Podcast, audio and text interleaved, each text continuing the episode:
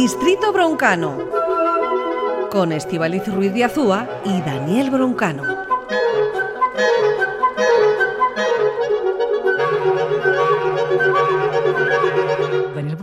¿Qué, tal te ha ido toda la semana? Me está yendo muy bien y lo que queda, ¿eh? que todavía pueden quedar cosas interesantes. Estamos ante una nueva entrega de nuestro curso por fascículos de musicología e instrumentología avanzada. Ahí está, la orquesta está dispuesta y los hemos metido todos los músicos dentro del estudio, preparada. Qué bien afinan. Sí, sí, siempre, siempre, orquesta y a la vez, ahí afinando. Eh, claro, hoy destacamos uno de esos instrumentos eh, que es la trompeta. Broncano, ¿quién no ha tocado una trompeta cuando era pequeña, aunque sea de estas de, de plástico, de estas que hacían tararareta? Trompetilla de plástico, pero además esta es muy difícil de controlar porque, claro, hace un sonido muy agudo, hace falta tener mucho control eh, con el aire. Eh, estos instrumentos de metal, ya, ya hablamos con la trompa, que, claro, producen el sonido con esta especie de, de pedorreta Sí. labial, literalmente. Esto no es ninguna metáfora.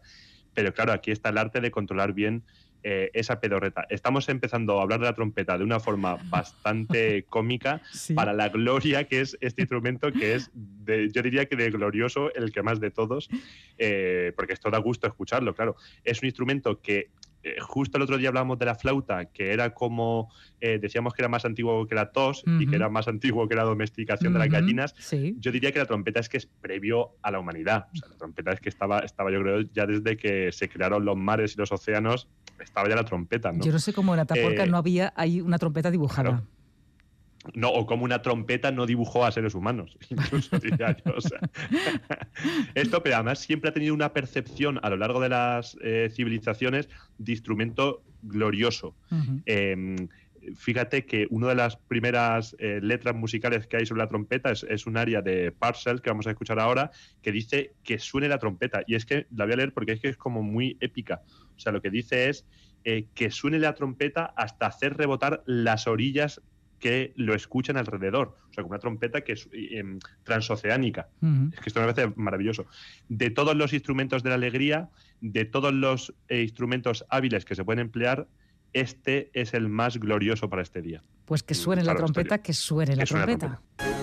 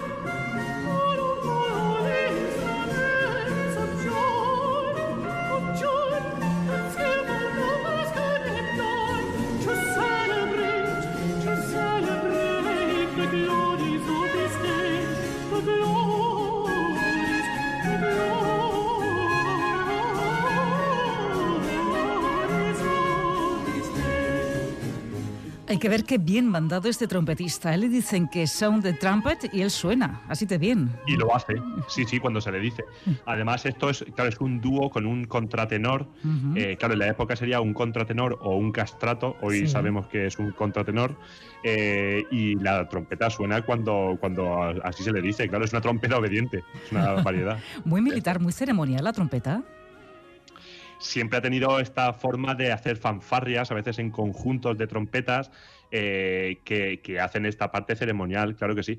Eh, sin embargo, en el barroco, eh, bueno, ya escuchamos esta obra de Parcel, que es de ese periodo, empezó a pasarse de esta especie de fanfarria ceremoniosa a que la trompeta cantase. Justo lo que estamos escuchando era que la trompeta eh, imita la voz humana, ¿no?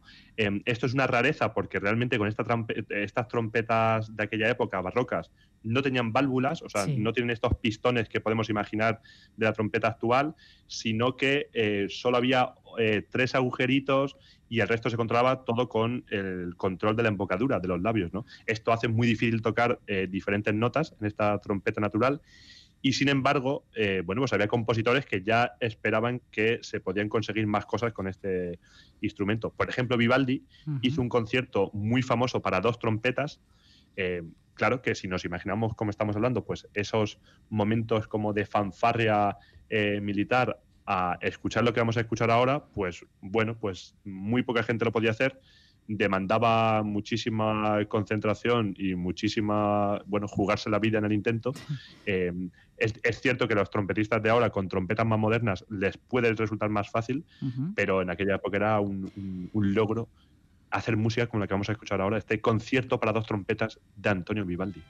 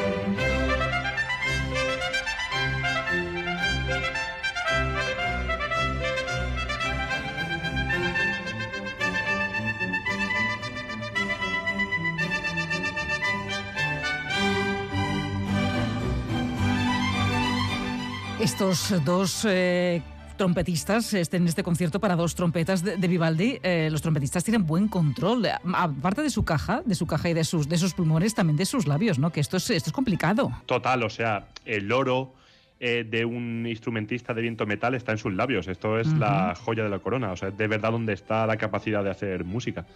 Eh, muy exigente, como vemos en este caso. Vamos a seguir en el barroco, porque es que la trompeta fue un instrumento muy admirado en, esa, bueno, en ese siglo XVII y XVIII. Eh, ahora vamos a escuchar una música un poco diferente de Bach. es el concierto para Brandenburgo número 2, en la que la trompeta, pues bueno, está emboscada Bach siempre componía de una forma muy intrincada, o sea, son como muchísimas líneas musicales que se entrelazan unas con otras. Entonces, en este concierto de Brandenburgo, número 2, eh, pues hay una trompeta solista, una flauta, un oboe y un violín. Los cuatro son como partes iguales, o sea que, esto ya hace falta utilizar nuestro, eh, pues, estas habilidades que estamos adquiriendo en este curso para entrenar a nuestro, a nuestro timpanito. Hay que, buscar la hay que buscar la trompeta entre todos los instrumentos en la jungla. O sea, es como descubrir, eh, como ir de safari y ver dónde está la cebra, efectivamente. Esto em, ya veremos que es una trompeta súper aguda, que era difícil entonces, sigue siendo difícil ahora, esta trompeta piccolo, una música, por otra parte, bellísima como pocas, este concierto de Brandenburgo número 2.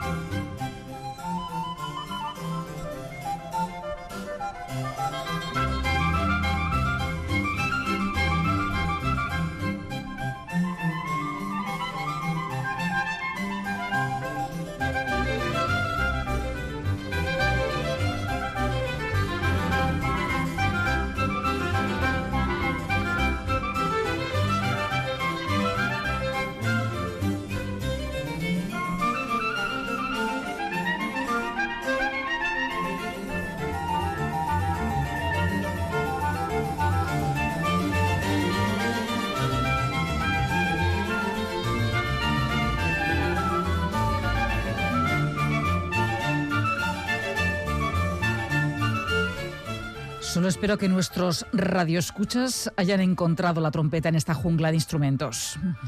Es el instrumento más agudo, es ese clarino, también se le llamaba en la época, trompeta, pícola o clarino.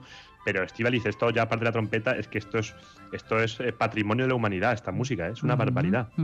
Hablabas damos, antes... damos una oportunidad más a escuchar el clarino por ahí arriba. Venga, a ver si lo escuchamos. Para aquellos que están un poco, que no, que no han hecho bien los deberes, que no lo han escuchado bien, venga.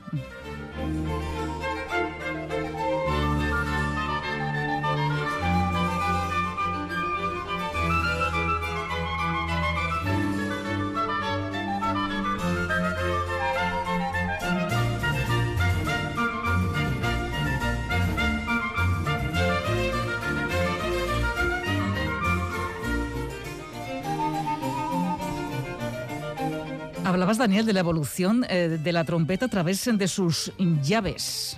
Esto es, y además ahora llegamos al momento clave, que fue un trompetista de Viena, Anton Weidige, eh, el cual, bueno, pues le puso pistones, son estas eh, llaves que suben y bajan y que cambian la, cambian la longitud total del tubo, se hacen que se conecte con una nueva con una nueva eh, extensión del tubo y así es como tener otra trompeta de, otra longitud a cada vez que se usa ese pistón. Bueno, entonces este tipo, em, Anton Weidige, pues creó esa trompeta en 1796. Esto lo conoció Joseph Haydn, eh, que había una trompeta que ahora podía tocar mucho más fácilmente todas las notas de la escala entonces, em, eh, se excitó, Haydn se excitó muchísimo, eh, hizo un concierto, le, escribió un concierto eh, difícil, Weidinger también se emocionó, pero dijo, cuidado, que mi trompeta está en proceso, se tiró cuatro años, se tiró cuatro años aprendiéndose el concierto de Haydn. Eh, a la vez que lo aprendía, cambiaba la trompeta. Decía, la, iba, adaptando. claro, le iba poniendo más llaves. No, siempre eran tres, pero, pero es eh, desarrollaba el instrumento y a la vez desarrollaba su técnica. O sea, esto, digamos que esta trompeta de ahora eh, pues todos los eh, trompetistas aprenden a tocar con ella. El concierto de Haydn, eh, pues todos aprenden a tocarlo sin este momento dramático. Weidinger estaba haciendo historia de, este engendro que había hecho, cuatro años luchando con la partitura. y ahora vamos a escuchar por qué, porque bueno, realmente era, era ambiciosa, pero a mí me encanta imaginarme a Weidinger diciendo, Joseph, cuidado que, que esto no te emociones tú tanto que la trompeta todavía está haciéndose. Vamos a ver cómo sonaba, vamos a ver lo que costó eh, interpretar y componer también esta obra.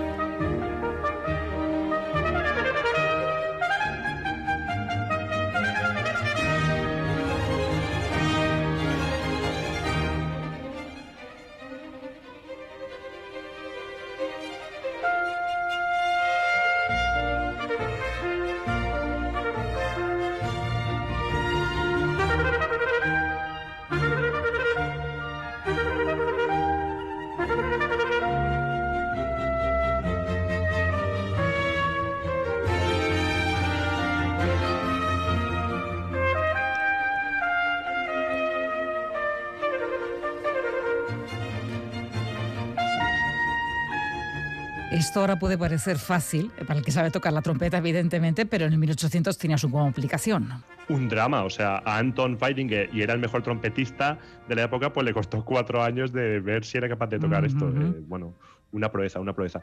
Eh, no hemos hablado todavía de Wolfgang, Amadeus, Mozart. Eh, ¿Mozart también compuso para trompeta? Es que esto es un, esto es un lado oscuro, esto es un, agujero negro de la historia musical. ¿Qué le pasó al pobre Mozart? Pues a ver, lo que le pasaba era que él había como dos instrumentos con los que no se encontraba muy a gusto Eh, uno fue el de nuestro último capítulo, La flauta, Sí. em, que solo componía cuando le pagaban mucho, porque, porque le daba de entera. Y eh, la trompeta también escribió en alguna carta que la trompeta no acababa de, no acababa de verla. sí. Entonces, eh, escribió un concierto para trompeta que qué casualidad se perdió. ¿Cómo se puede perder un concierto para trompeta? ¿Cómo se puede perder? Sí, sí. Eh, A ver, eh, digo, no sé, no tenían orden, o sea, no se pudo perder ahí en la red, por ejemplo, lo tendrían en algún cajón, ¿no? Pues fíjate, porque además Mozart, mm, además su obra luego rápido ya fue tan valorada que, que se ha rastrillado todo, ¿no? Además, hombre, Mozart, sabiendo que ibas a ser famoso y pues, ten cuidado un poco Eso con tus es, partituras, guarda, guarda tus pues, cosas que van a tener un valor. guárdalo. Ujú. Claro, mm, guárdalas en la nube también, pues, no sé, haz algo. Haz haz copias algo. de ellos de Pues con la- sí. Claro, claro. Pues con la trompeta no se esforzó mucho, es de las pocas partituras que se sabe que lo compuso cuando, claro, es verdad que a lo mejor tenía siete años, ¿eh? es cierto que, que, mm, es que tenía siete años, pero las obras a veces de siete años de Mozart eran ya increíbles, pues mm, se perdió. Así que eh, va a ser el primer capítulo donde no tenemos, No tenemos concierto para trompeta pero- de Mozart, vale. pero, pero, pero, eh, para este mismo recuperamos la figura de Weidinger, el, el trompetista que Sí, estuvo cuatro sí. años eh, aprendiéndose el concierto de El Haydn. virtuoso que hemos conocido, sí. el virtuoso, el virtuoso en apuros. Eh, pues el virtuoso en apuros eh, hubo otro compositor, Hummel.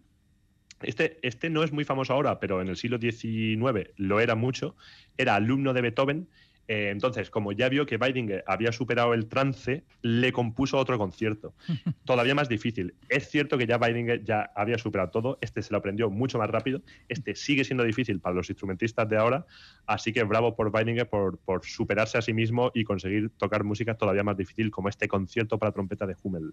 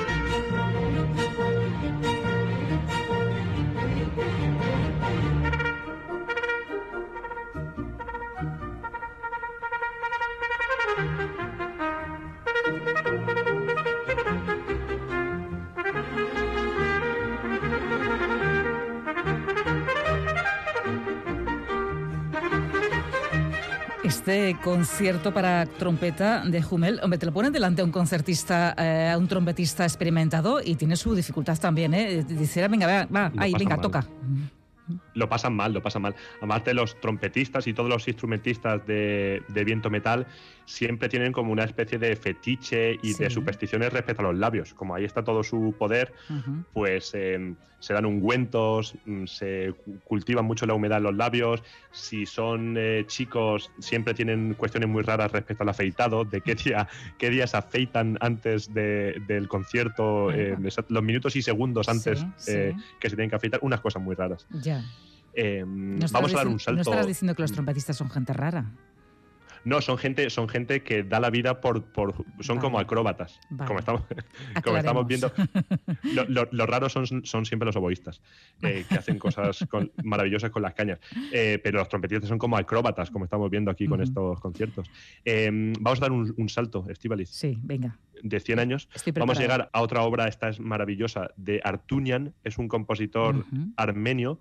Esta, eh, claro, esta ya digamos que es difícil con la trompeta que lo toques y en el año que lo toques. Claro, hay veces que hay obras solistas muy difíciles que son las que tienes que tocar en una audición para que te contraten, en una orquesta eh, o incluso para, bueno, para entrar a un conservatorio, cosas así.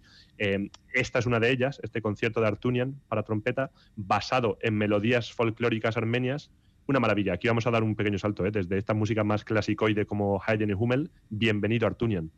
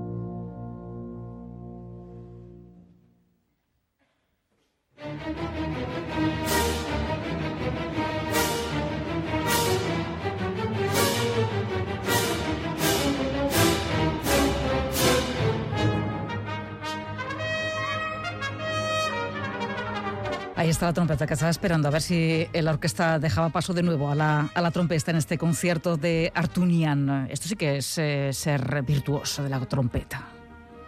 Buenas piruetas aquí, buenas piruetas. Eh, justo te contaba esto de que hay obras que se componen eh, para mostrar las habilidades de un instrumentista. Eh, eh, para, por ejemplo, que le contraten una orquesta. No, estas no se componen para eso, sino que se utilizan, ¿no? Pero hay algunas que sí que se han compuesto en concreto para como concurso de entrada para el Conservatorio Nacional Superior de Música de París. esto es una institución, vamos, centenaria, mítica en la cultura musical que siempre encargaban a grandes compositores obras para demostrar básicamente que nadie está a la altura de la institución. O sea, es como una especie de, Para hacerles fallar directamente. Para hacerles fallar. O sea, tiene una tradición de hace siglos en este conservatorio de decir, vamos a encargar a este compositor una obra imposible para oboe para demostrar que nadie está a la altura del Conservatorio Superior de París. Eh, este fue el caso del concierto que encargaron a Tomasi, eh, compositor francés, Henri Thomasy. Eh, y entonces, de hecho, eh, claro, todos los alumnos de ese año palmaron todas, nadie, nadie entró. después, varios profesores dijeron, era intocable. O sea, dijeron, sí, Tomasi, es que esto ¿Era imposible? Sí. Es imposible que alguien, que alguien sea capaz de venir aquí con 18 años a tocar esto.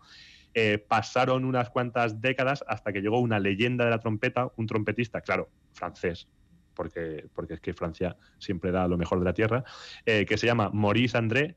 Y entonces este dijo, intocable para nada, aquí estoy yo que toco esto. Y esto es lo que vamos a escuchar, a Maurice André tocando un concierto que todos decían que no se podía.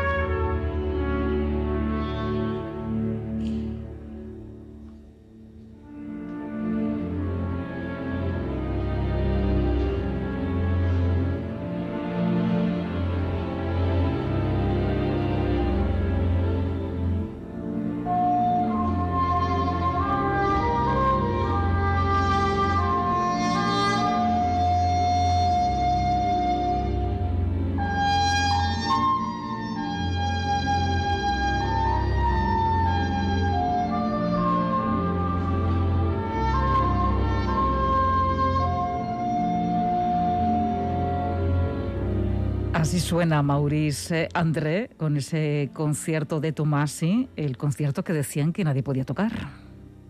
Hasta que llegó él. Eh, has visto que justo en esta, lo último que escuchábamos, cambiaba mucho el timbre porque esto era la sordina. Es esta especie de cubre campana que se pone. Hay también de varias formas, colores y sabores. Y esto cambia mucho el sonido de la trompeta. Em, vamos ya avanzando hasta el final de, nuestro fascículo. Eh, ¿Con qué terminamos? Pues mira, terminamos con un trompetista venezolano. Eh, esto es eh, un tipo de una gran personalidad y de un gran, eh, de un gran valor artístico. Esto es Pacho Flores. Eh, él, de hecho, hay muchas obras que se han compuesto para él por su estilo y por es muy matizado, a veces es capaz de, capaz de, ser muy expresivo con, la trompeta.